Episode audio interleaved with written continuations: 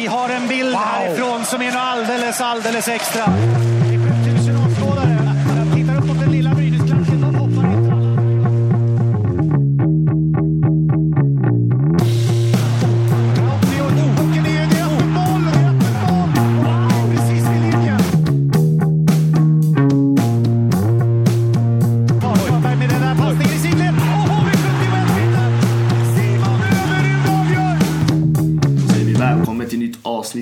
Situationsrummet, den renodlade podden om SHL tillsammans med mig, Viktor Arner från svenskafans.com och den eminente Måns Karlsson från Hockeysverige.se. Mm, sjätte avsnittet nu va? Sjätte, ja. Mm. Det, börjar, det känns som att vi börjar bli varma i kläderna faktiskt. Ja, men det känns det. Man är, inte, man är lite mer avslappnad nu. Ja.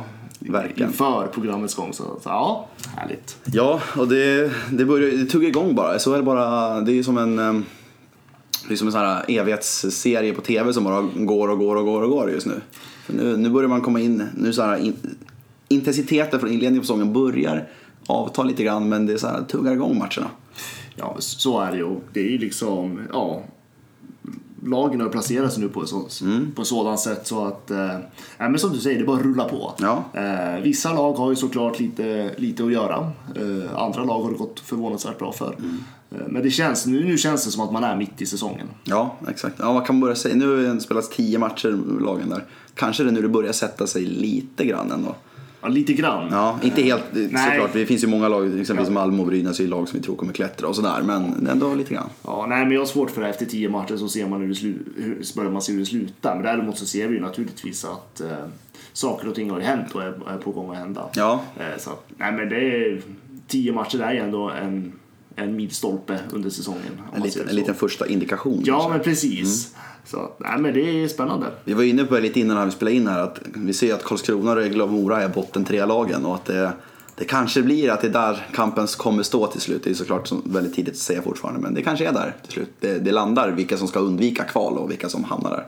Ja, det är ju ändå tre lag som jag tror de flesta tänker att det är de som kommer slåss i bottenstriden. Ja. Däremot kommer det bli oerhört jämnt hela säsongen. Ja. Så det kommer bli roligt att följa den. Däremot så tror jag att toppskikten där kommer att eh, förändras rätt så mycket ja. under säsongen. Det är vi överens Jag tror inte Färjestad eller Djurgården är topp tre efter 52 matcher exempelvis. Nej, och jag tror att jag tänker lag som eh, Frölunda ja. naturligtvis och eh, kanske till och med Brynäs kommer ju att få klättra lite. Och Malmö skulle jag säga. Och Malmö, ja. ja. Eh, men när vi ändå är inne på bottenstriden då där så har vi fått lite förändringar nu för första gången på ett tag. Jag vet inte, är det första gången som Rögle inte ligger sist måste det ju vara. Mm, det de har ju åkt ju på storförlust på storförlust där i början. Ja. Så nu är de uppe på trettonde plats. Passerade Mora igår efter en 5-2 vinst mot Färjestad alla lag. Laget som har tagit poäng alla matcher mötte laget som inte tagit en enda fullpoängare i någon match och så blev det såklart det laget som inte tagit någon fullpoängare som vann mot laget som inte har tagit någon nollpoängare. Så logiskt, eller hur? ja, men det är väl trenderna är till för att brytas. Ja, verkligen. Eh, och det är väl klart att eh, dåvarande jumbolag mm. skulle besegra serieledarna. Det tycker jag ändå är ganska fint ändå. Ja. Sen, att man, sen att Rögle besegrade Färjestad på det sätt man gjorde med 5-2, det kanske mm. var lite lite förvånansvärt ändå. Ja, det var det. Sen hade de i första perioden så hade Rögle rätt mycket flyt för då var Färjestad eh, i 5 mot 5 spelet helt överlägsna. Men de höll sig kvar i matchen, Rögle, det är det det går ut på. Och sen så var de effektiva när chanserna gavs. Och vann med 5-2. Vad, vad, tror du att det här kan ge liksom för effekt för, för Rögle? De har ändå två raka segrar nu. Förra veckan var vi inne på att de tog en, en viktig seger mot Luleå borta där. Eh, riktig alltså moral, moralhöjare när man låg under med 3-1 och vinner med 4-3 efter Sadder och nu tar en trepoängare här mot Färjestad lag också. Är det ett nytt Rögle vi får se? Alltså så här, är det nu det börjar, liksom, deras resa uppåt? Ja, alltså det är klart att Eldebrink har ju såklart eh, räddat sitt eget skinn. Ja, han har köpt sig väldigt mycket tid. Han har köpt sig väldigt ja. mycket tid, absolut. Och jag tänker att eh, Ja, det är klart att sådana här, eh, när man har haft ett mot, väldigt motsträvigt som Rögle har haft mm. inledningsvis och sen så tar man en, vad var det, en övertidsseger mot ja, Luleå, var. Eh, och eh, en sån här seger mot ett lag som Färjestad, det är klart att det ger ju någonstans självförtroende till hela gruppen mm. som Rögle naturligtvis kommer ta med sig framåt.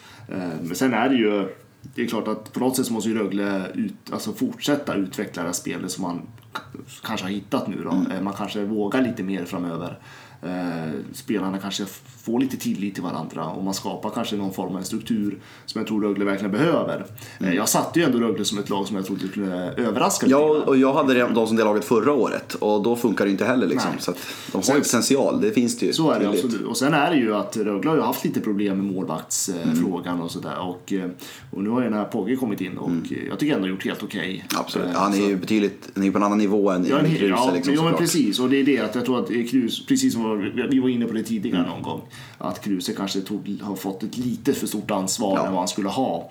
Eh, Så att jag tror nu att när Rögle har fått ordning på den här målvaktssituationen så tycker jag ändå att de har successivt blivit bättre. Ja, de har ju ett för bra lag egentligen, tycker jag, för att vara... Alltså jag, jag tycker de har ett lag som snarare ska vara uppe och slåss om, om topp 10 än att behöva undvika kval, tycker jag. Jag tycker det finns... Jag tycker Örebro har sämre lag jag tycker, på pappret, jag tycker Karlskrona har sämre lag på pappret, jag tycker Mora har sämre lag på pappret. Liksom. Så jag tycker det snarare ska upp kanske på Luleås nivå, slåss om en tionde plats Ja, men de skulle ju ändå, alltså, de, de, har, de skulle ju kunna ha potential att slåss om slutspelsplatser. Alltså, Mm. Jag tänker här, ja men tionde plats, placering där någonstans. Mm. Eh, tycker jag ändå att Rögle, alltså, de, på pappret har de potential till det. Ja, intressant här är också kampen mot, mot Malmö då, eh, som, som vi tippade i toppen och som vi var väldigt imponerade av i början. Nu har de, de är tre poäng före Rögle med en match mer spelad, så att nu är det liksom, det går snabbt i, i den här, i den här SHL-tabellen får man säga. Det är, det är som en hiss, snabbt upp, snabbt ner. Liksom. Ja, så är det. Och det är klart, många varnade ju för Malmö för säsongen och Mm. det är klart att de hade en ganska bra stund där inledningsvis. Ja. Men nu har de fyra raka förluster tror jag, det, tror jag det är, efter full tid här. Så att, Ja, nej, men det blir spännande att följa och se om, om Malmö kan vända på det här. Mm. Verkligen. Eh, Men den stora grejen såklart. Vi har ju två lag som vi på något sätt blir tvingade till att prata om varenda avsnitt. Och, vi har redan brukat ett. Vi har, avhandlat ett av dem och nu har vi det andra kvar för att eh, det hände ju grejer samma sekund som vi publicerade avsnittet på Hockey Sverige och Svenska fans. 10.00 i förra fredagen blir det ju. Redan varit det, precis. Och då- 10.00 presenterade också Brynäs att man har sparkat Roger Melin efter eh, den förödmjukande 8-2 förlusten i Och för Gavrinken. vår del vart det en jättedålig timing Ja, verkligen. Eh, Så vi ber om ursäkt för det. Ja, exakt. Om man nu ska be om ursäkt för Ja, något vi vi- visste. Men, eh, Nej, vi ja, avhandlade så väl det. Melin och Brynäs i 10 minuter där och sen var det bara att skrynkla ihop det i pappret eh, dagen efter kändes det som. Ja, men precis. Men man tog ändå beslutet. Ehm, Vi var inne på det förra veckan, du trodde inte de skulle göra det. Jag sa att jag trodde de skulle göra det efter lördagsmatchen om det skulle bli en till eh, liksom, stor förlust. Man tog beslutet snabbt. Eh, Var det ett rätt beslut med, om man ser tillbaka eh, med en vecka, liksom, var det rätt beslut tycker du av Stefan Bengtzén att ta? Alltså med facit i hand så var det ju det. Mm. Eh, De eh, fick ju revanschen där mot Skellefteå i lördags. Eh, Där 3-2 tror jag det vart den matchen. 2-1 var 2-1 var det kanske? Ja. Ja. titta. Till och med det. Nej, men jag tänker någonstans att eh, Melin körde fast med den här gruppen. Eh, sen har det ju stått jättemycket i tidningarna nu efteråt. Eh, man, har- vi har ju ändå läst mycket om Melins syn på saken och eh, Jakob Blomqvist, Brynäs lagkapten, har uttalat sig en hel del också. Eh, så att, eh, nej, men på något sätt så tror jag det känns som att eh, eh, Melin kanske inte var den typ av tränare som gruppen behövde. Eh, sen tycker jag samtidigt att eh, man ska inte avlasta Melin allt på honom. Nej, det var väl helt enkelt en felbedömning, tänker jag, från eh, sportchefen Stefan Bengtzén. Mm. eh, När man tog in Melin. Att det kanske inte var den rätta typ av ledare som just det här, den här gruppen behövde. Eh, Så att, ja. Men, eh, ja, nej, men jag tycker att det är helt rätt. Mm. Bra agerat av Brynäs. Ja, men när man läste, när man läst efterspelet här så blir jag nästan, om man ska välja mellan team Melin eller team Blomqvist, så är jag nog mer hashtag team Melin. För att det är klart att det är han som är huvudansvarig till att det har sett ut som det har gjort. Men jag köper också väldigt mycket i det han säger. Sen är det klart att det kanske inte är rätt att gå ut och säga dagen efter han får sparken och såga spelartruppen och sådana grejer. Det kan jag tycka är fel. Men om man ska verkligen gå in på det mer sakliga så tycker jag att han har fog för sin kritik. Att han, det här med att säga att jag tyckte att spelartruppen var nonchalant och att de, liksom, alltså hela den där, vet, de, de fick nästan lite hybris av hur det gick förra säsongen. Vilket många experter också var inne på. Liksom, att, vad är, finns ödmjukheten i Brynäs liksom? Eh, Medan jag tycker att spelarna snarare var så här, äh, men vi var ju vana att ha någon som stod och skrek på oss. Men det är så här, ni har inte det längre. Alltså, då är det bara att släppa det. Sen om det inte funkar rent hockeymässigt, absolut. Men de verkar ju faktiskt snarare ha problem med Roger Melins ledarskap än hans hockeykunnande. Och då tycker jag att ett gäng med 23 vuxna människor ska liksom kunna anpassa sig till det nya och inte leva i det förgångna. För jag menar, Bulan har inte varit där sedan april. Det är nog ett halvår sedan han lämnade. Kan jag tycka. Mm. Alltså gruppdynamik och allt sånt där är all ära, men jag håller lite med dig där också. Mm. Eh, utifrån, jag menar, dels det är vuxna människor och det är elitidrottare vi pratar om. Hur många, herregud, alla har väl varit med om tränarbyten, alla de där spelarna, utom möjligtvis men juniorerna liksom, som kommer upp nu. En elitidrottare som går ut på isen och inte gör sitt yttersta bara för att man kanske inte köper allt från tränaren, alltså från ledarsidan av tränaren. Eh, det tycker jag inte är professionellt. Eh, och det är definitivt inte respekt för sina egna fans. Mm. Eh, för att, samtidigt tycker jag att ledarskapet i Brynäs har ju inte förändrats egentligen. Jag menar, det är ju fortfarande Tommy Sjödin eh, i båset. Mm. Eh, och nu har man tagit ner Jan, eh, Janne Larsson. Och sen är det fortfarande Pekka Alsén som står där och hela Ja. ledarstaben i övrigt är ju densamma. Om man räknar allt från massör och precis, uppåt. Liksom. Och allt, precis, och det är inget annat som har förändrats. Och så ser man en helt, ny, en helt annan attityd från Ja. spelarna. Vet, det, kan, det, det kan ju bero på att, eh, ja, att med citat att de är nöjda Mm. med att Melin är borta. Eller så är det ju så att det faktiskt har varit så att det har blivit en sån tydlig signal från, från föreningen Mm. eh, när man tog bort Melin att spelarna faktiskt hajar till att okej, vi kanske måste eh, ja, göra, Mm. göra vårt jobb helt enkelt. Men det är så lätt att man börjar, jag tror att såna här, alla de här intervjuerna som kommit ut från media, det är så lätt att man börjar spekulera runt om där. Eh, mycket, jag tror att mycket av sanningen har inte sagts. Nej. Nej, men det, det kan jag faktiskt tro också. Eh, sen är det så här, det har ju riktats väldigt stort fokus på Stefan Bengtzén med all rätt. För att det här är väl egentligen det första, det är klart att man är felvärvningar som sportchef. Men det här är väl egentligen det- hans riktigt, första riktigt personliga misslyckande sedan han kom till, till Brynäs. Och då har han fått väldigt mycket kritik. Men sen när man, när, när man funderar så här, då landar man ändå någonstans i att ja, men vad starkt av honom att ta det här beslutet. Han tar in en tränare, sparkar honom efter åtta matcher och märker att det inte funkar. Många andra hade ju bara gnuggat på och låter det gå till ja, men, november, december. Så hade man stått där efter halva säsongen när de hade legat i den där prekära situationen. Man måste ändå ge honom beröm för att han försöker reda upp sitt eget misstag någonstans. Att han inser så pass snabbt att det här gjorde jag fel. Nu gäller det att göra rätt. Liksom. Jag skrev faktiskt en krönika om det Mm. eh, nu i veckan, jag tror det var helgen om jag inte minns fel. Eh, Just det här med att eh, på något sätt har ju ändå Brynäs, jag tänker både Johan Stark då, klubbdirektören och Stefan Bengtzén, de har ändå visat på tydligt ledarskap och chefskap. Ja, tycker jag. precis. När man på något sätt säger det. Alltså dels så, precis som du säger, man tog bort Melin tidigt, man ville få en förändring. Eh, och sen att man också har stått och faktiskt sagt att vi gjorde fel, alltså Mm. vi gjorde ett misstag.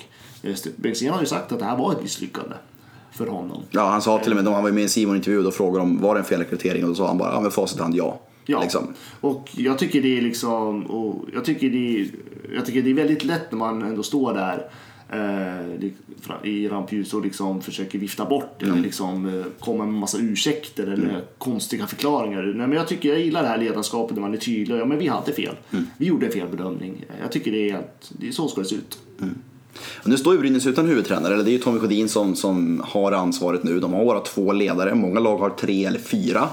Brynäs är nere på, på två nu i sin eh, liksom, tränarstab om man räknar bort målvaktstränaren. Hur ska de ta sig vidare härifrån? Det finns ju inte jättemånga heta tränare på marknaden. Det kanske största namnet är väl Leffe Karlsson och han verkar ju snarare vara närmare Leksand än, än, än Brynäs känns Jag det tror, som. jag tror att han hellre går till Leksand. Ja, Eh, det tror jag. Just spekulera tränare, det är Man säger så här då, tycker du att de ska behålla Tom Sjödin och Janne Larsson och kanske lyfta upp någon inom egna leden eller någon eh, annan som kan gå in och vara assisterande tränare och låta Tommy köra fullt ut?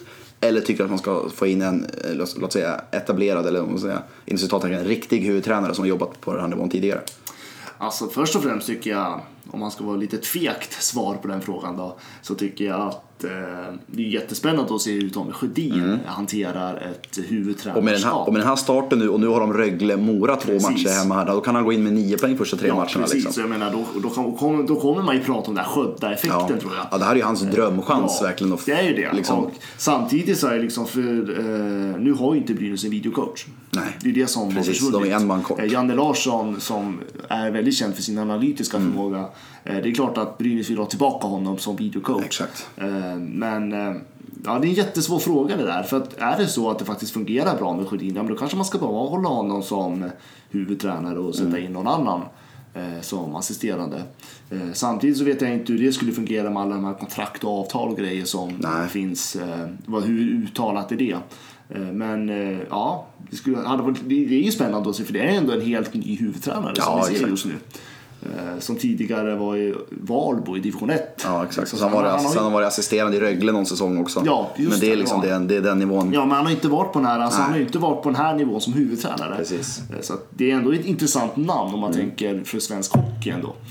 Och se hur han kan hantera det. Men vi har sett det sista åren. Vi såg ju Johan Lindbom, han gick upp från um, division 1. Han skulle väl vara J20-coach tror jag var det tänkt i HV den säsongen. Men sen när det blev som det blev med Andreas Johansson så blev han ju helt plötsligt inkastad som huvudtränare. Det gick ju bra, de vann SM-guld. Eh, vi har Johan Pennerborn nu i Färjestad, som vi ska komma in på mer alldeles strax. Som eh, har varit i division 2 och division 1, precis som Sjödin. Eh, I eh, Grums bland annat liksom.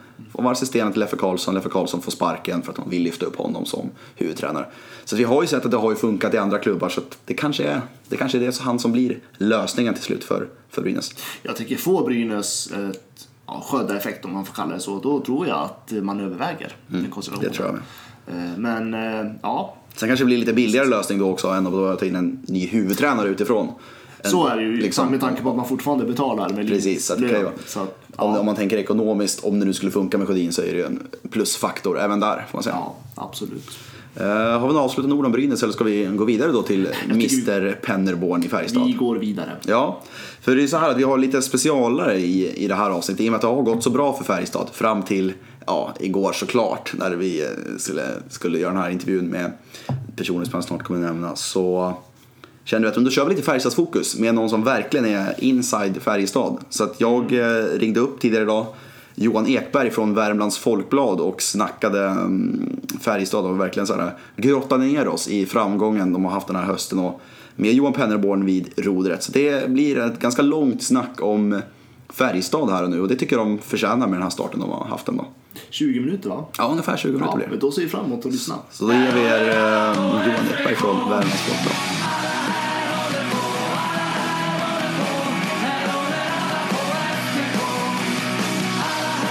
Då säger jag välkommen till situationsrummet till Johan Ekberg från Värmlands Folkblad.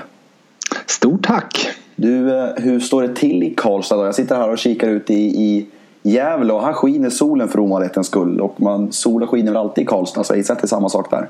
Jajamensan, det kan du lita på. Det har varit riktigt, riktigt höstrusk här förra veckan. Men nu har det nästan kommit lite brittsommar och fint, eh, fint eh, värme här sista dagarna. Så nu är det att njuta. Ja, det är lite grann som här då. Eh, faktiskt. Mm. Och det känns ju som att, eh, för att göra en snygg P3-övergång här, det har varit mycket sol kring, kring Färjestad överlag här nu under, under hösten såklart. Men vad var, det som, vad var det som hände igår egentligen i, i eh, matchen mot Rögle där just? Ja, eh, ettan mot jumbon. Eh. Jag, jag skrev en krönika efter matchen där jag kallade det en logisk hockeyologik. Ja. Att de förlorade igår. Och lite där känner jag väl man landar att jag var inte dugg förvånad. Det kändes som att Ja, men till sist så skulle det komma en förlust och på något sätt, ja men jumbon borta. Eh, ett lag som de dessutom haft ganska svårt för. De förlorade alla fyra matcherna mot Rögle i förra säsongen faktiskt. Eh, så Helt ologiskt var det inte. Eh, Och att eh, Färjestad har haft studsar med sig i säsongsinledningen. Till sist kommer en match där man har studsar mot sig. Eh, För om vi bara tittar på gårdagsmatchen så första perioden skulle de ha punkterat den här matchen. I spel 5 mot 5 var de fullkomligt överlägsna. Ja. Det var ju, Rögle hade ju några powerplay där de skapade lite men förutom det så hade de ju ingenting. Så men det var väl en svaghet i det kan jag väl säga. Dels att man inte punkterade. Dels att man inte förstod att eh, okej, Rögle är bra i powerplay. Det kunde man bara titta i statistiken. De hade seriens bästa powerplay inför matchen. Ja. Och de visade ändå i första perioden att de skapade lägen just i PP. Så då kanske man skulle ha sett till att inte dra på sig massa utvisningar. Vilket de gjorde och, och tappade matchen på. Du säger själv det här med att de har haft liksom medstuds nästan hela hösten Färjestad. Det känns som att de har gjort mål på allting mer eller mindre. Var det här, är, är det det här som sker nu när, när effektiviteten kommer på mer normal nivå? Liksom? Ja det är ju det. Alltså, tittar man till, till Corsi så ligger de ju 7-8 i serien. Eh, och inför igår så hade de en eh, skotteffektivitet på 12,43 procent i spel 5 mot 5.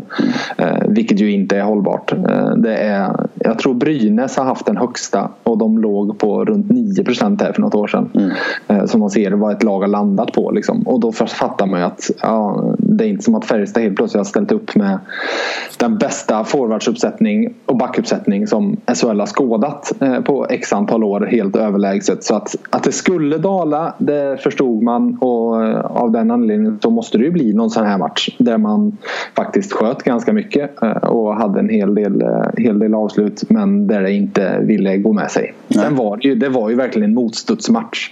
Hade domaren blåst en sekund senare så hade Martin Johansson gjort mål eh, när Pogge tappade in pucken men visserligen han hade gått och Mikael Lindqvist kom fri men sköt utanför. Alltså det var några sådana där situationer eh, som båda första målen Rögle gör är ju styrningar. Ja, exakt. Styrningar kan man säga vad man vill om. Det är klart det finns en skicklighet i det. Den första styrdes dock innan Jens Westin så det var inte så mycket Rögle-skicklighet. Men nej, det var en typisk sån match eh, och det var väl ganska väntat att det skulle komma en sån till mm. Men den, den känns som att den kommer ganska opassande om man tittar vilka kommande matcher de har. För det är ändå Luleå som är ett lag. De visst, de har inte vunnit speciellt mycket. Men de är ändå tunga att möta. De är ofta med i matcherna. Örebro har ju satt en jättebra defensiv så här långt. Med storspelande mm. målvakt. Och sen är det ju då Växjö och så Brynäs. Och man vet ju inte riktigt vad man har Brynäs än. Men Växjö vet man i alla fall att de är ju ett lag för, för toppen. Så det är en ganska kritisk period nu som kommer nog, om jag får säga mitt, kommer säga ganska mycket vad vi har Färjestad den här säsongen. Håller du med om det? Väl, verkligen. Eh, mm. alltså, det var det jag kände. En, en, förlust igår den tycker jag egentligen inte säger någonting. Nej, eh, för en förlust kan alla alltid åka på. Vilka lag som än möts. Liksom. Eh, men lite framförallt på, på torsdag här mot Luleå så känner jag lite upp till bevis för dem. Visa. Är man en fluga som har levt på onormalt hög skottprocent? Eller finns det, finns det saker i laget som som gör att de är betydligt bättre än vad folk trodde på förhand. Och vad tror du där om vi, om vi tittar om vi jämför exempelvis förra året med, med Leffe Karlssons ledarskap och i år med Johan Penneborn som huvudansvarig. Märks det någon skillnad i, i spelet skulle du säga? Du som följer laget väldigt nära eller hur de tränar eller något, något sätt? Som där skiljer sig? Ja, det är skillnad. Eh, och fall vi, fall vi går till Penneborn, han är ju helt ny på den här nivån eh, som huvudtränare. Han har ju varit med som assisterande tränare där till Leif innan. Eh, men och innan det så har han ju bara meriter från division 1 med Sunne och division 2 med Grums där han hade en kombinerad tjänst i många år där han jobbade på hockeygymnasiet med att träna klubbens A-lag i division 2. Eh, så det, det var ju ett ett blankt papper inför säsongen. Var stod Johan Penneborn? Man märkte ganska tydligt ska jag säga, att han är en huvudtränare. Mm. Inte en assisterande tränare. Jag tror inte... Jag tror att hans personlighet passar extremt mycket bättre som huvudtränare. Han är en delegerande huvudtränare som använder verkligen andras kunskaper. Eh, det kan gå pass ute på isen utan att han säger ett ord nästan. Mm. För de andra leder den tävlingen. Geron Dahlgren eller Ante Karlsson eh, leder. Så att det, han, han, passar mer, det är ju så, en chef liksom, ja. kan, kan man ändå kalla det. Liksom. Ja. Passar till att delegera och, och så. Så han måste jag säga har imponerat på mig och mm. även i spelet så känner jag ju att de har... Alltså, där Leif Karlsson började ju ändå i fjol att implementera ett lite mer offensivt spelsätt. Får jag säga. Eh, att de klev på lite högre. Att de på något sätt anpassade sig lite mer till, eh, till dagens hockey. Eh, den, den linjen har de ju fortsatt på. Det handlar mer om ett mer offensivt tänkt. De har ju varit jättetydliga i alla rekryteringar inför den här säsongen att det var spelare med fart på skridskorna de ville ha in. De var tvungna att bli ett snabbare lag och det har de verkligen blivit. Och det jag ska säga som har imponerat mest på mig hittills är spelet i offensiv zon. Rörligheten i offensiv zon. Där har de många mål de har gjort. Bland annat det första igår mot Rögle som var ju vansinnigt fint. Där det är Ja, men spelare byter position med varandra. Backar hamnar långt ner, vågar kliva upp, hålla kvar pucken i zon. Eh, och man på det sättet skapar längre anfall och skapar tryck och till sist har, har fått utdelning på det. Mm. Så det är alltid, när man ska vara huvudtränare så ska man ju alltid vara rätt person på rätt plats precis rätt tid i livet. Och det är så mycket faktorer som ska mm. spela in för att det ska stämma. Vi såg Roger Melin exempelvis där det blev fullständigt fel. Eh, är Pennerborn är han liksom rätt person för Färjestad eller är han också en Liksom att det har gått så bra är en effekt av att men det har klickat så bra just offensiv zon. Det har fått in helt rätt spelare och varit väldigt effektiva. Eller är det mer ett Pennerborn Alltså att det är han som ligger bakom att det har gått så bra skulle du säga? Jag skulle säga att han har en del i det. Mm. En, en del i, alltså medstudsare och allt sånt här som har skapat självförtroende är ju givetvis också en del i det. Vi, vi pratade, när vi analyserar nu så tittar vi på tio matcher som är spelade. Det är ändå bara 20 procent av säsongen. Så det är ju det är en väldigt liten del. Men jag, vad jag har hört från spelare så är de gillar honom. Mm. Det är Ja, en spe, en, han, han, eh, är en människokännare. Eh, alltså jag har ju, jag har haft det här jobbet i många år och han har varit ändå i värmländsk hockey. Så han var, han var ju ny på den här nivån. Han var långt ifrån ny för oss. Jag har ju suttit och pratat i telefon med Johan Penneborn i tio år. Mm.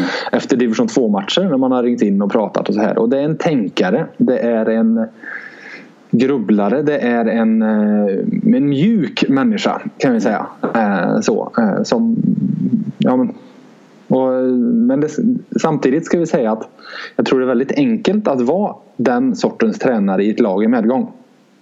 Det blir ju i ett lag i motgång som det känns som att det, då ställs det på, på prov på ett annat sätt. Ta Roger Melin. Hade Brynäs ja. börjat bra då hade han kanske fungerat jättebra där. Men nu börjar det dåligt och de börjar känna att nej men fan, vi hade velat haft Bulans skrikande som skriker fart på oss. Och så bara blir det negativt negativt. Så det, det, är också lite upp till bevis för Johan Pennerborn på det sättet. Hur, hur reagerar han och hur är han när, det, när det börjar gå emot? Liksom, när de åker på tre, fyra förluster i rad.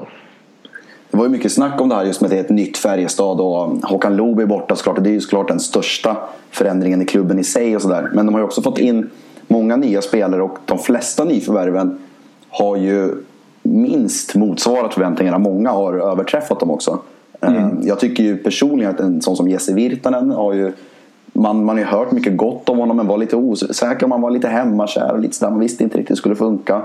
Mm. Uh, Mikael Lindqvist såklart. Jag tycker att, i och för sig att han har varit grym i AIK så jag är inte förvånad att det funkar i Färjestad. Men att det skulle bli så här bra trodde man ju naturligtvis inte. Och sen Dick Axelsson är ju samma sak. Man vet om att det är en bra spelare men med tanke på förra säsongen han hade så var det osäkerhet där. Och jag kan tycka att en sån som ja, men typ Niklas Fogström går in och, och gör det helt okej okay och sådär också. Liksom. Det, Mm. Det var Martin Johansson Martin som har haft en nedåtgående kurva i Örebro i flera år. Precis, han har inte eh. fått så mycket uppmärksamhet tycker jag den här hösten. Han har stått lite i skuggan av, av Dick och Rino och de här. Men mm. han är också en sån han, som har funkat. Liksom.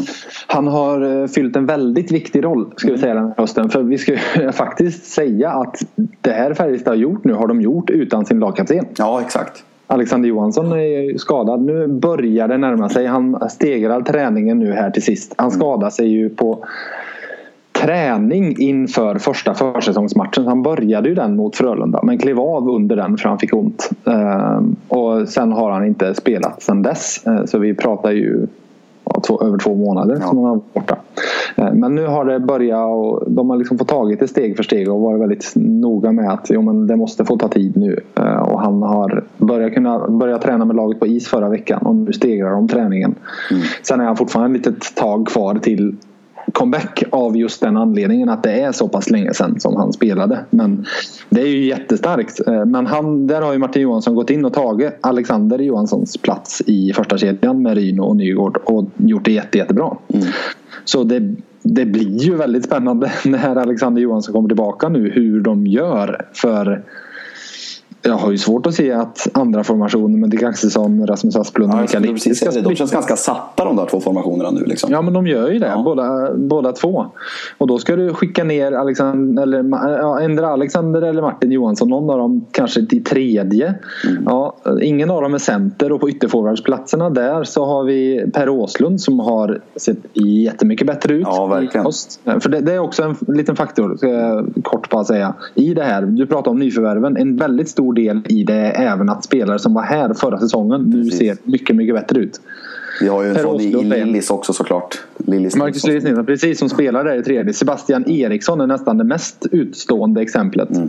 Uh, ser jätte, jättemycket bättre ut mm. den här hösten än vad han har gjort de två tidigare säsongerna i Färjestad. Så och har dessutom underliggande siffror som är klart bäst bland backarna i Färjestad. Vilket väl, väl säger en del om vad han har presterat. Mm. Nej men just det, då har du Lillis och du har Per Åslund där i tredje. Jaha, ska du klämma in Alexander Johansson eller Martin Johansson där och skicka ner en av dem i fjärde? Mm. Ska du skola, för du har ju Linus Persson som nu har kommit tillbaka. Han har också varit skadad länge men har gjort några matcher. Så ska du klämma ner honom i fjärde och skola om någon till center? Ja, det ska bli jättespännande att se hur man gör. För det Ja, Åslund som center kanske?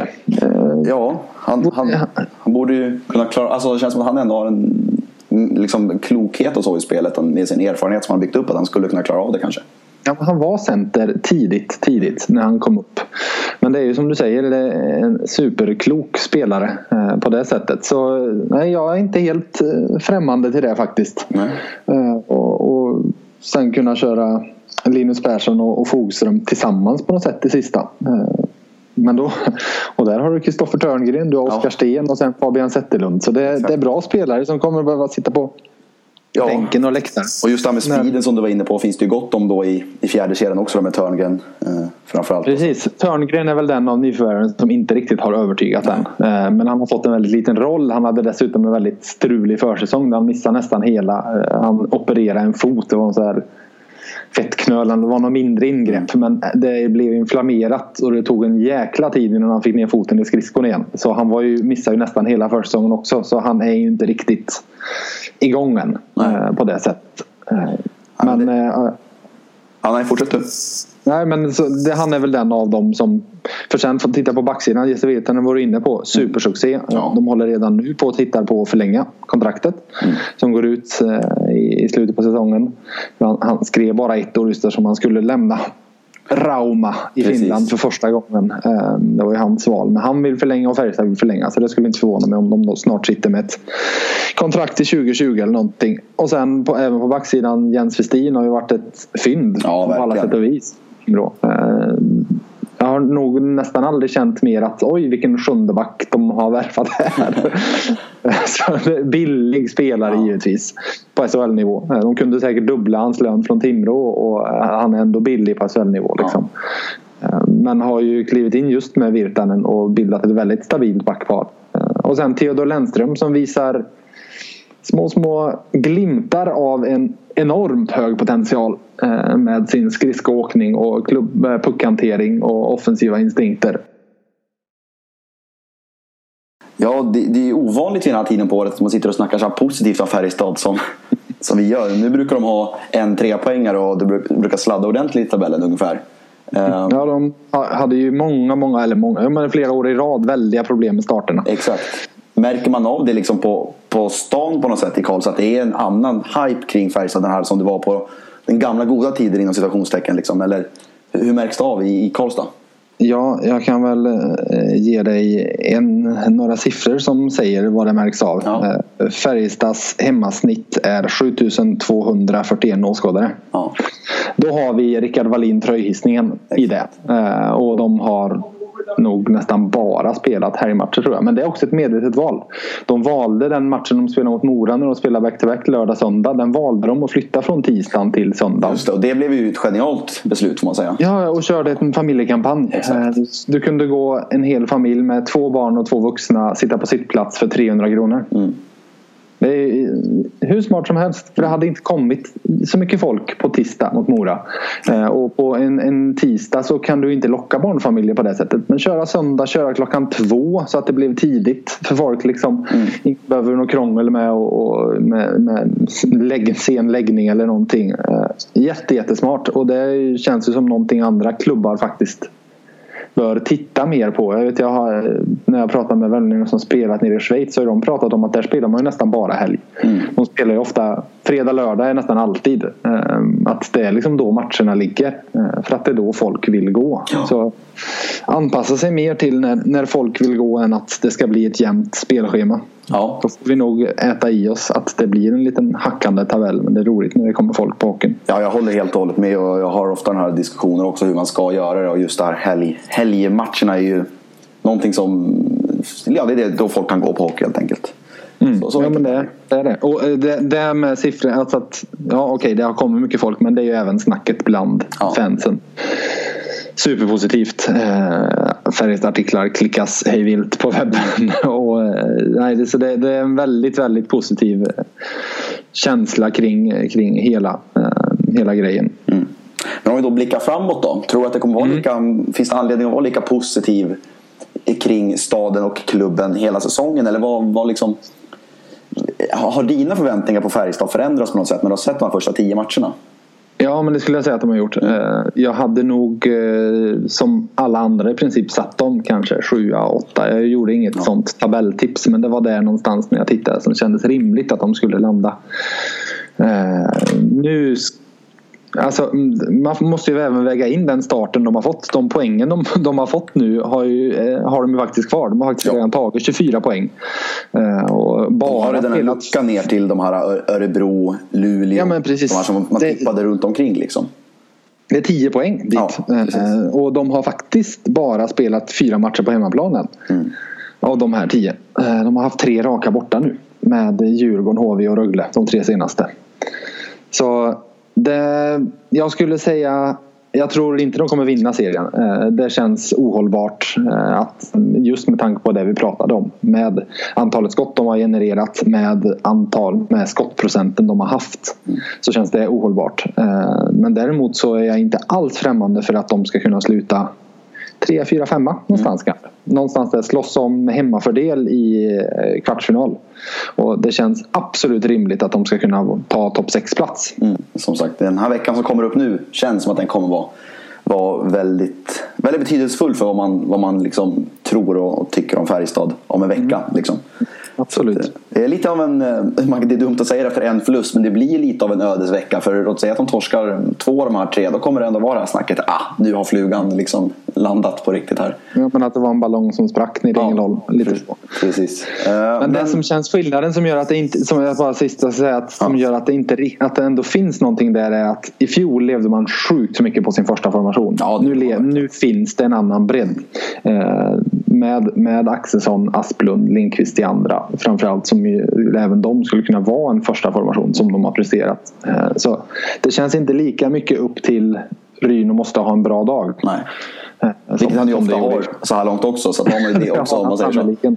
Han har väl varit ja, en av SHLs absolut bästa spelare så här långt skulle jag säga. Ganska given i ett OS-lag just nu skulle jag säga. Ja, verkligen. Jag hade honom faktiskt redan med i min Jag gjorde en OS-trupp här i somras och hade honom med då. Och jag har inte direkt haft anledning att revidera den åsikten så här långt om man säger så. Och börjar Färjestad, fall fortsätter så här, hamna i en OS-kris ganska snart. För ja. vi har en målvakt som definitivt försvinner i Lars Haugen. Eh, Johan Ryno kanske. Dick Axelsson känns långt ifrån oklart eller orimligt att han skulle.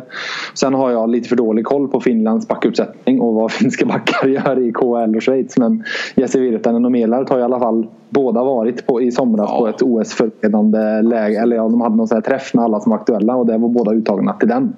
Så de, de finns ju med i diskussionen där borta i alla fall. Utan tvekan tror jag att de gör det. Framförallt en sån som Virtanen måste ju vara en dröm att kunna kasta in i, i OS med, med, de, med liksom de premisserna som det kommer vara där. Så tror jag att han är en sån som skulle kunna sticka ut ordentligt faktiskt. Mm. Det känns inte omöjligt. Eh, innan vi rundar av då. Jag vill ju ge dig chansen såklart att eh, marknadsföra dig själv och ditt egna, jobb. För du har faktiskt en egen podcast exempelvis som jag Precis. rekommenderar varmt. Speciellt där avsnitt tre där tycker jag att man borde lyssna på. Precis, den ultimata SHL-guiden Johan Ekberg Karlsson analyserar allt. Nej men precis, jag startade här inför den här säsongen en podd på v.se och som även finns på iTunes och alla, alla ställen ni hittar poddar. Uh, VF Hockey, uh, där det det blir en del Färjestad givetvis. Eh, det blir en del vanligt SHL-snack. Sist så gjorde jag en liten NHL-special med Rickard Wallin. Mm. Det finns ganska gott om hockeyexperter i Karlstad. Så det är enkelt att få dem, få dem till studion och, och snacka lite. Så blandning mellan intervjuer med tränare, spelare och eh, annat eh, hockeyfolk. Och sen givetvis så finns det miljoner av texter på vf.se att läsa. Mm. Ja, förr i tiden var ju alla experter djurgårdare, nu är alla eh, tv-experter Färjestadare har jag märkt. Ja, det är tydligen så. Det är tydligen så. Nej, det duggar tätt om dem. Loob går ju dessutom även han in i expertrollen här i OS. Så då har vi ytterligare en. Karlstadbo. Det blir spännande. Men då återstår inte så mycket mer för mig än att tacka för att du ville vara med i podden och ge oss lite mer insight kring eh, höstens stora succélag får vi säga, Färjestad. Så lite så. Tack för att du kom med. Ja, det var alltså Johan Ekberg från Värmlands Folkblad. Riktigt, eh, om jag får säga själv, en av mina personliga hockeyfavoritskribenter i, i Sverige och eh, som ni märkte också väldigt initierad när det gäller Färjestad. Har du någonting du vill tillägga om, om, om Färjestad eller det Johan är inne på här? Nej, egentligen inte. Alltså det, är, det är jätteroligt att höra någon som faktiskt har verkligen inblick i det här mm. laget som följer. Det är klart att en sån person har ju mer koll än vad du och jag har. Ja. Eh, så att, eh, nej men det, jag tycker det är jätteroligt. Förhoppningsvis kanske vi kan få lite fler sådana här intervjuer i den här podden. Ja, det tycker jag. Det känns som ett, ja. Eh, ett bra koncept. Ja, men precis. Nej men det var jätteintressant. Mm. Men då byter vi botten mot toppen då. Då har vi varit mycket Färjestad här som leder serien. Då går vi in på de som är jumbo nu då. Mora, som vi nämnde lite tidigare här. De har ju stärkt en backsida som har sett ganska svag ut så här långt. De har haft ganska svårt att anpassa sig till SHL-tempot även om de har tagit in några utifrån. Nu har de värvat in två nya backar här. Ehm, och vi kan väl börja med Marcus Fagerudd då, som kommer från Djurgården. En spelare som vi känner igen väl från SHL, har gjort eh, sammanlagt 67 matcher i SHL tidigare, eller sammanlagt här nu med Luleå och nu också Djurgården inledde ändå, har varit i finska ligan nu ett par år ska jag säga också, men inledde ändå ganska bra i Djurgården och ändå levererat liksom. Men fick inte plats när Linus Hultström kom in riktigt. Det var väl att de kände kanske att det var för många i samma roll så att säga. Ja, det, det, har ju gått, alltså Djurgården, det har gått så bra för dem också mm. nu på sistone. Så jag tror att de känner liksom, de är nog nöjda med sitt manskap. Eh, så det här var ju en, eh, för Moras del så var det här, tror jag att det här var en jättebra värvning. Ja, det tror jag med. Eh, just för att, ja, men det är en, det är en duktig, rätt defensiv back liksom, som kommer stärka Moras mindre skickliga försvarsspel just nu. Då, och har också så. en offensiv uppsida. Framförallt, eller han har inte visat så mycket i SHL, men i Hockeyallsvenskan gjorde han rätt mycket poäng i i Asplöven för några år sedan. Det var väl till och med junior, nej, han var, det var nog av de första. Han gjorde väl en hel del i finska ligan? Va? Ja, en, en, del i alla fall. Ja, 20 poäng gjorde han säsongen 15-16. Ja, så han har, ju, han har ju en offensiv um, uppsida. Man kan väl säga att han är en klassisk tvåvägsback ja. kanske. Som skulle kunna gå in och göra ett bra jobb. Och i ett lag som Mora så känns det som att de behövde spelare som man vet håller i på SHL-nivå. Alltså som har testats i SHL förut. Liksom. Det är alltid en chansning att plocka in en nordamerikan som vi ska komma in på senare. Liksom. Men det känns som att de vet vad man får här. Ja, jag tänker Mora är ju så stort behov, precis som du säger. Just eh, framförallt deras eh, försvarsspel. Mm. Eh, de har ju nu sett in 10 mål på två ja, matcher eh, och det är lag som släppt in flest efter Rögle. Mm. Eh, så det är klart att de behöver ju förstärkning och då är ju en sån här, jag tror en sån här backtyp som eh, Marcus Fagerud är mm. precis en sån typ av spelare de skulle behöva intressant att de möttes ju här, när, han var inte med när Djurgården vann mot Mora med 6-0 och sen så blev han klar för dem, Mora, dagen efter. Eh, jag gissar att han var väl i princip klar, det var därför han inte var med den matchen kan jag tänka mig. Mm. Eh, för att han visste väl att det var på gång att han skulle till, till Mora. Men det känns som att ehm, en bra, en bra värvning för, för Mora, det är väl båda överens om. Han kommer verkligen fylla en funktion och kommer kunna sluka många minuter i istid känns det som också han är absolut en sån som skulle kunna gå in och spela 18, mellan 18 och 20 minuter tror jag i ett, i ett Mora. Liksom. Så att, eh, det, det ska bli intressant att se. Jag gillar de, ändå de här övergångarna när det är en spelare som inte riktigt får det förtroendet som man ska ha i en klubb. Att det går att hitta en lösning inom SHL man ändå behåller spelaren någonstans. Att han inte skickas iväg till tyska eller finska ligan eller något sånt där. Utan då, att det finns behov för en sån kille som uppenbarligen är en duktig SHL-back mm. i en annan klubb. Jag håller med och det här är ju liksom, det är ingen dålig back heller. Nej, verkligen han, inte. han har inte gjort dåligt i Djurgården så att, på något sätt. Så att jag tror det här är ju jag tror det här varit ett riktigt perfekt läge för Mora. Ja, jag känner också det faktiskt. Och de sagt de plockade in två um, backar här på bara ett par dagar. De värvade också in Brandon Gormley, en 25-årig kanadensare som jag minns från junior-VM 2012. Den där fantastiska turneringen där Sverige faktiskt vann junior-VM. Ehm, då blev han utsedd till turneringens bästa back. Det var bara fem år sedan. Och nu är han i SHLs jumbo. Ska man se det som en, en, ska man se det som en, ett, en fynd för Mora att kunna plocka in en sån? Eller är det snarare ett orosmoln att det har gått så snabbt neråt att det bara eller fortsätta? Han har haft en del skador och sådär också ska man säga men det är inte det som är hela sanningen till hans förfall om man får säga så. Nej men alltså jag tänker det här är ju en, eh, också en typisk en sån typ av back som Mora behöver tänker jag. Eh, han har ju ändå eh, lite erfarenhet från Eh, han har både några fåtal matcher i NHL har han väl? Ja, han har gjort eh. sammanlagt 58 matcher. Ja, är till och med. Ja, eh, och plus att han har gjort en hel del i AHL. Ja. Så att, det, är ju ingen, alltså det är ingen dålig spelare vi har att göra med. Och samtidigt också en back. En, mm. en, en rejäl back, han är ganska stor. Mm. Jag tror att han väger 90 kilo tror jag. Ja, något sånt där. Och så där? Upp, mot 1,90 Ja, och är liksom nästan ja, 196 lång. Liksom. Så att, eh, nej, men jag tror det här är också en, precis som Fagerud, en typisk sån här back som Mora behöver. Mm. Jag tror Mora har varit ganska, rätt noga ändå med deras förstärkningar. Det känns som att det finns en, efterhand, en tanke bakom dem. Det håller jag med om, men det känns ändå som att Fagerudd känns ju som en mer, inom citationstecken, säker värvning än Gormley någonstans. Man är lite mer osäker på en sån här Dels är det alltid svårt med nordamerikaner, det kan, alltså det kan vara flipp eller flopp. Det, det, är nästan aldrig en garanti. Oavsett hur bra en spelare är i NHL eller AHL så vet man aldrig hur det funkar i SHL och vice versa. Eh, en spelare som inte alls sticker ut i Nordamerika kan vara perfekt i, i, i SHL. Liksom. En sån som Andrew Calof som har varit här i några år nu, han var ju helt okänd där borta och hade ju liksom inte slagit sig in på någon bana men är liksom en ganska stor stjärna i SHL. Men och sen är jag lite, man blir lite orolig för de här killarna som ändå har gått så snabbt ut. Han är 25 nu och det känns som att han pikade, redan har pikat i sin karriär liksom. Ja, alltså, det, alltså samtidigt så kan det ju, alltså, jag tänker att byta miljö och liksom byta. Alltså, byta klubb. Eh, eh, jag tänker att han, han känner väl kanske att han behöver, han behöver få en ny start i sin Mm. karriär och då kanske SHL var en, eh, en, en bra marknad för honom. Och där var det Mora som var tillgängliga och eh, också ville ha honom. Så att, det kan ju vara så att han själv är lite hungrig efter Mm. en nytändning då. Plus att man ska aldrig räkna bort det här med OS-faktorn. En riktigt bra säsong. Nu är det klart att det är svårt att kunna briljera på det sättet i ett lag som Mora som ändå är ganska tillbakatryckta i matcherna och inte är det här spelande laget och inte vinner så många matcher. Och man kanske inte får sån härlig plus minus statistik heller liksom. Men är, det- om de verkligen scoutar honom ordentligt, kanadensiska ledningen och ser att det här är en riktigt bra back så kan man ju faktiskt vara en sån som blir aktuell för, för OS. Sen så nästan alla nordamerikaner i SHL liksom går hit av den anledningen att de vill komma närmare en OS-plats också. Ja, så är det. Och jag menar självklart. Och jag menar, SHL är ju en gedigen eh, arena tänker jag. Ja, verkligen. Eh, För att ta, ta sig till OS. Absolut. Eh, är vi har ju ändå en stark liga. Mm. Och jag menar, det är väl det största som finns för en kanadensare.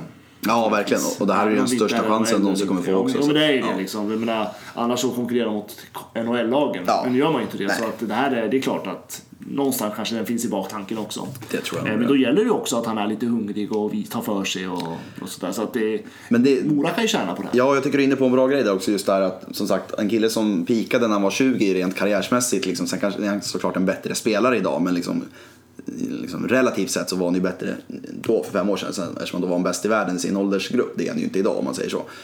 Men när man då kan få en sån här chans att kanske slå sig in i en OS-trupp. Då är, har han ändå någonting att spela för, just som du säger, det här med hungern. Och det kanske ändå talar för att det kan funka. Liksom.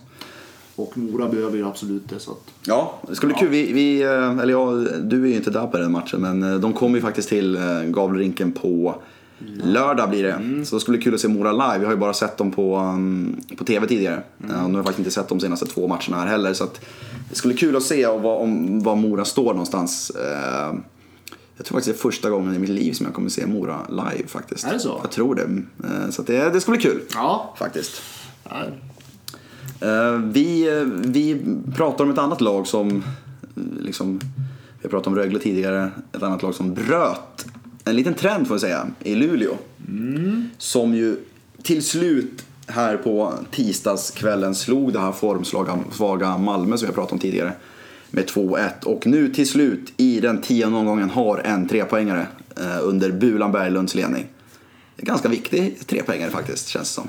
Oerhört viktigt, Mm. både för Luleå och Bulan tänker jag. Eh, Luleå har ju liksom, de har ändå smygit sig framåt med Ja. deras eh, udda, må, udda vinster och Ja, förlängningar och allt vad de har. Liksom. Men det är klart att den här efterlängtade trepoängaren den betyder så oerhört mycket. Mm.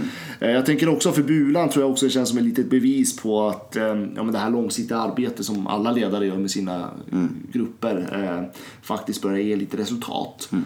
Eh, och jag tänker just eh, psykologiskt så är det här jätteviktigt för Luleå. Ja, och eh, de ligger ju med där fortfarande platserna sju, mellan 7 och 10 som de legat hela säsongen. Och Och jag har, tänker att där någonstans kommer de vara. ja, det känns så. De har ju en väldigt intressant match som kommer upp här nu på torsdagen när de möter Färjestad borta. Och det, då får man ju se lite grann, eh, som vi också var inne på det här med, med, i lång intervju med Johan Ekberg, att det känns som att det är en match som säger mycket om var Färjestad står. Och det känns också som att Luleå faktiskt någonstans ändå har ett ganska bra slagläge i den matchen med tanke på att Färjestad nu till slut har förlorat. Då kan det ju bli att det är lite pyspunka medan Luleå precis tagit sin första trepoängare och såklart det här uppe. Liksom, Och jag tycker särskilt sättet Färjestad förlorar på. Ja. Eh, skulle Luleå få Färjestad att börja skaka lite så tror jag att Luleå kan få ett enormt övertag. Mm. Eh, så att det blir ju någonstans ändå, även om det är så skillnad på tabellen så blir det ändå en liten värdemätare med de där Ja, verkligen. Och sagt, det är två lag som tippades komma platserna 7-10 båda två inför Mm. Ja, säsongen. Så nu får man se lite grann var de står i det här läget av säsongen. Ja, det blir en häftig match. Ja, eh, ett lag som vi har, vi har så pratat om men utan att prata om riktigt är ju Frölunda. För att vi har varit så trygga i att det ska lossna för dem och nu har de ju två raka vinster här. Eh, ligger sexa fast spelet har hackat ganska rejält så att vi behöver nog inte vara så oroliga för dem. Ehm, slog eh, Örebro med 3-2 här i dagarna och eh, vann innan dess med mot Linköping med samma siffror. Elias Andersson tvåmålsskytt nu i matchen mot eh, Örebro här. Viktigt att få igång honom såklart så när han kommer hem. Och ja, nu är det väl maskiner igång då kanske? Frölunda. Ja, någonting börjar hända. Eh, det är ju såklart, de är också uddamålsvinster. Mm. Fast tre poäng Exakt, spelet sitter ju fortfarande inte riktigt där. Det gör ju inte Nej. det. Och jag tycker och någonstans när jag tänker på eh, Frölunda så tänker jag att någon annan spelare än bara Ryan Lash måste faktiskt upp och göra eh, stora jobbet. Mm. Och nu har ju ändå Carl Grundström kommit igång lite grann och Elias Andersson kommit igång lite grann. Så kanske börjar de få produktion på, på fler nu. Ja, och Elias har väl bara gjort två poäng och det är de där två målen. Ja, precis. Till och med. Så jag vet inte hur många matcher han har gjort, det är väl några, ett par, tre stycken. Nej, det är inte så många tror jag. Nej. Men alltså, det, och det är också ett, eh, för honom är det naturligtvis, det är ju alltid skönt när den här mm. målnollan spricker såklart. Eh, Det har ju också med, alltså psykologiskt. Så att, eh, nej men jag tror att Frölunda känns ju lite som en vilande björn. Alltså de kommer ju bara explodera när, som helst. Och kommer att tillhöra, ja men, fyra kanske i alla fall. Så är det. Så att, eh, nej men jag tror att, eh, jag tror att Frölunda-fansen är relativt eh, lugna ändå. De har Mora borta nu och sen har de Skellefteå hemma. Deras två kommande matcher. Här. Johan Mattsson har ju tagit första spaden där istället för Johan Gustafsson. Johan Gustafsson har inte alls fått till det. Johan Mattsson har kommit in och gjort jättebra sin första SHL-säsong. Och det mm, får se, man vet det är svårt att säga vem som är första, har första spaden när säsongen är slut. Men det kanske är bra för Johan Gustafsson att han får en konkurrens på riktigt där. För det hade han inte riktigt under när Dan Backala var den som var backup. Men det hade han ju definitivt när det var Lasse Johansson och han som kamperade ihop för, för ett par år sedan. Så det kanske det är intressant, det kan bli en kul målvaktssituation där Absolut. på sikt. Jag tänker just på Frölundas situation. Jag tänker, känner du någonstans, tänker du någonstans att de har eh, överträffat sig själva lite grann? Eh, De var ju väldigt eh, li- lite småkaxiga inför säsongen. Många trodde på dem och liksom, tror du någonstans att de har känt det här favoritskapet och liksom... Alltså, nej jag tror att Tänker på deras start just nu. Nej, jag tror att de är väldigt trygga i sig själva på ett positivt, alltså just kaxiga absolut, men jag tror de är väldigt trygga och lugna i sig själva också och vet om att det kommer lösa sig. Så jag tror att de inte har riktigt har funderat så mycket på tabelläget och uteblivna poäng. Jag tror mer Roger har varit väldigt så att de vill få igång spelet och det sitter ju inte riktigt än som sagt.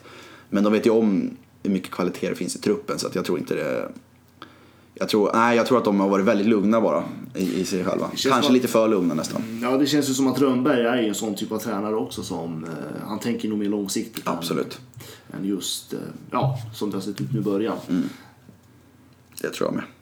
Men ska vi gå in på de, de två klassiska stående inslagen som vi har då, med veckans stjärna och veckans avstängning. Yes! Ska vi börja, vi börjar deppigt idag. Ja, vi, vi börjar med avstängningen. För idag är det, bra. ja, för idag är det riktigt deppigt tycker jag. Eh, det var ju Färjestad som mötte HV och det har ju tidigare varit problem att Färjestads supportrar, jag tänker inte säga Färjestads supportrarna för att det är en väldigt liten klick som gör det.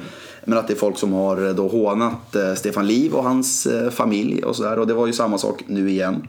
Det var på en toalett som de hade klottrat, ja vi behöver inte gå in på vad det stod egentligen. Men så här, hån mot Stefan Livs familj och sånt där. Och nu har ju Färjestad tagit starkt avstånd såklart och det är ju ingen som anklagar Färjestad som klubb för det här på något sätt utan det är ju såklart en liten klick supportrar, det fattar vi också.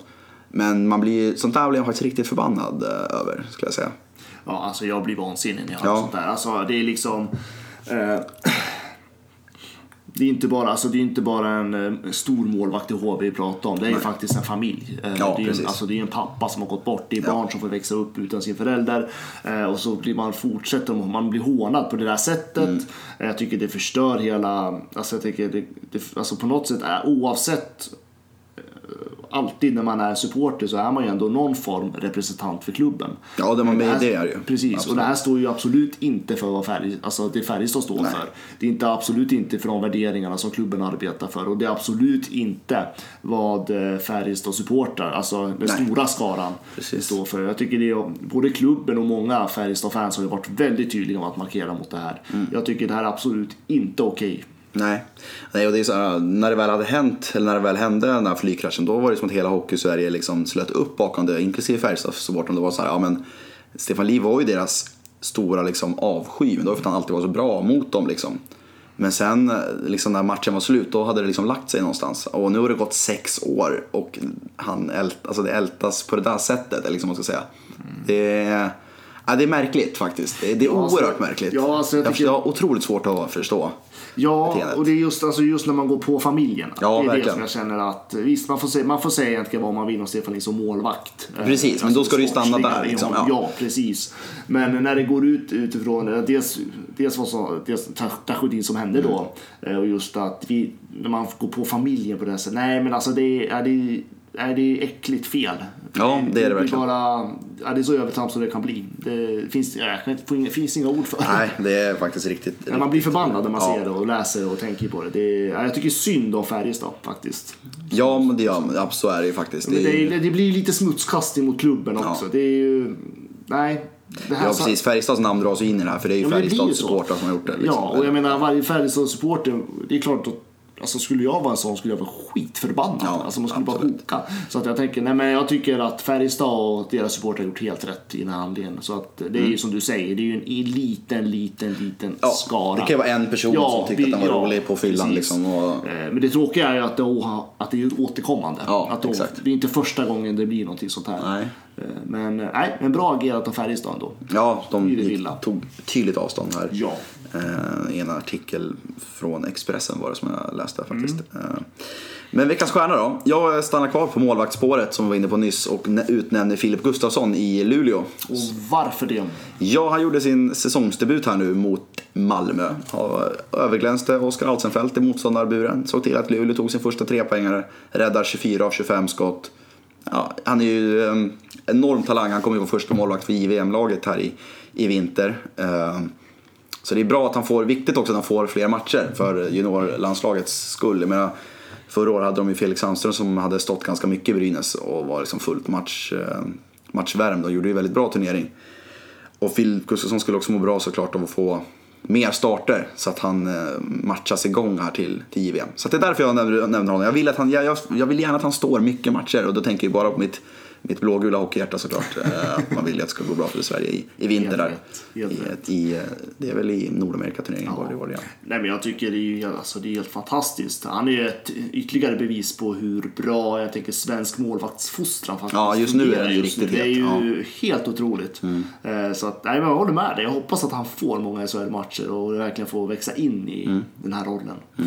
Absolut. Absolut. Men du har ett annat eh, namn att lansera. Ja, jag, jag tyckte det var lite svårt den här veckan. Men eh, jag fastnade ändå för Ted Brithén, eh, för Rögle. Eh, I slutändan. Mm. Det är ju ändå vårt favoritlag Rögle. Så vi, måste, vi, måste vi börjar med Rögle och avslutar med Rögle. det Ja, är men så precis. gammalt. Ja. Men man måste kny, knuta säcken. Ja, eh, exakt. Nej, men jag tänker utifrån att eh, ja, men Rögle har ju vänt en liten trend nu. De har ju ändå två segrar bakom sig. Eh, Jag tänker senaste stor, stor, storsegern mot Färjestad så stod Brithén för ett mål och två assist. Eh, Tidigare mot Luleå så var han ändå målgörare. Eh, Han är en spelare som har tagit stor roll i Rögle, både i, eh, både i offensiven men också i defensiven. Han är ju ändå den forward i Rögle som särklass täcker mest skott eh, i, i egen zon. Då. Och i, totalt i SHL så ligger han fyra på den fronten, bland forwards, ska tilläggas. Eh, så, nej, men jag tycker att det, han är en hårt jobbande spelare som tar sitt ansvar för Rögle.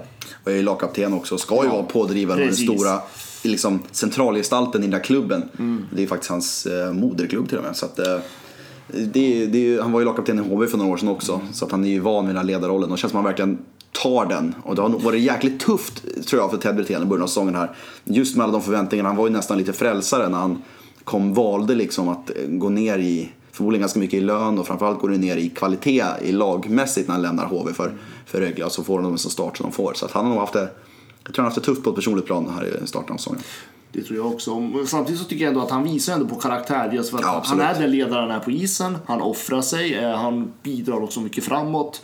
Eh, Samtidigt så han gnäller liksom inte. Utan det har, gått, det har gått tungt för Rögle. Eh, Alla vet om det. Det har gått tungt för hela laget. Men ändå så har de en lagkapten som faktiskt står upp och Mm. gör det han ska varje match och går in. Och, nej, men jag tycker det där är absolut helt rätt person att lyfta fram den här veckan. Mm. Tycker jag. Ja, jag håller faktiskt helt och hållet med.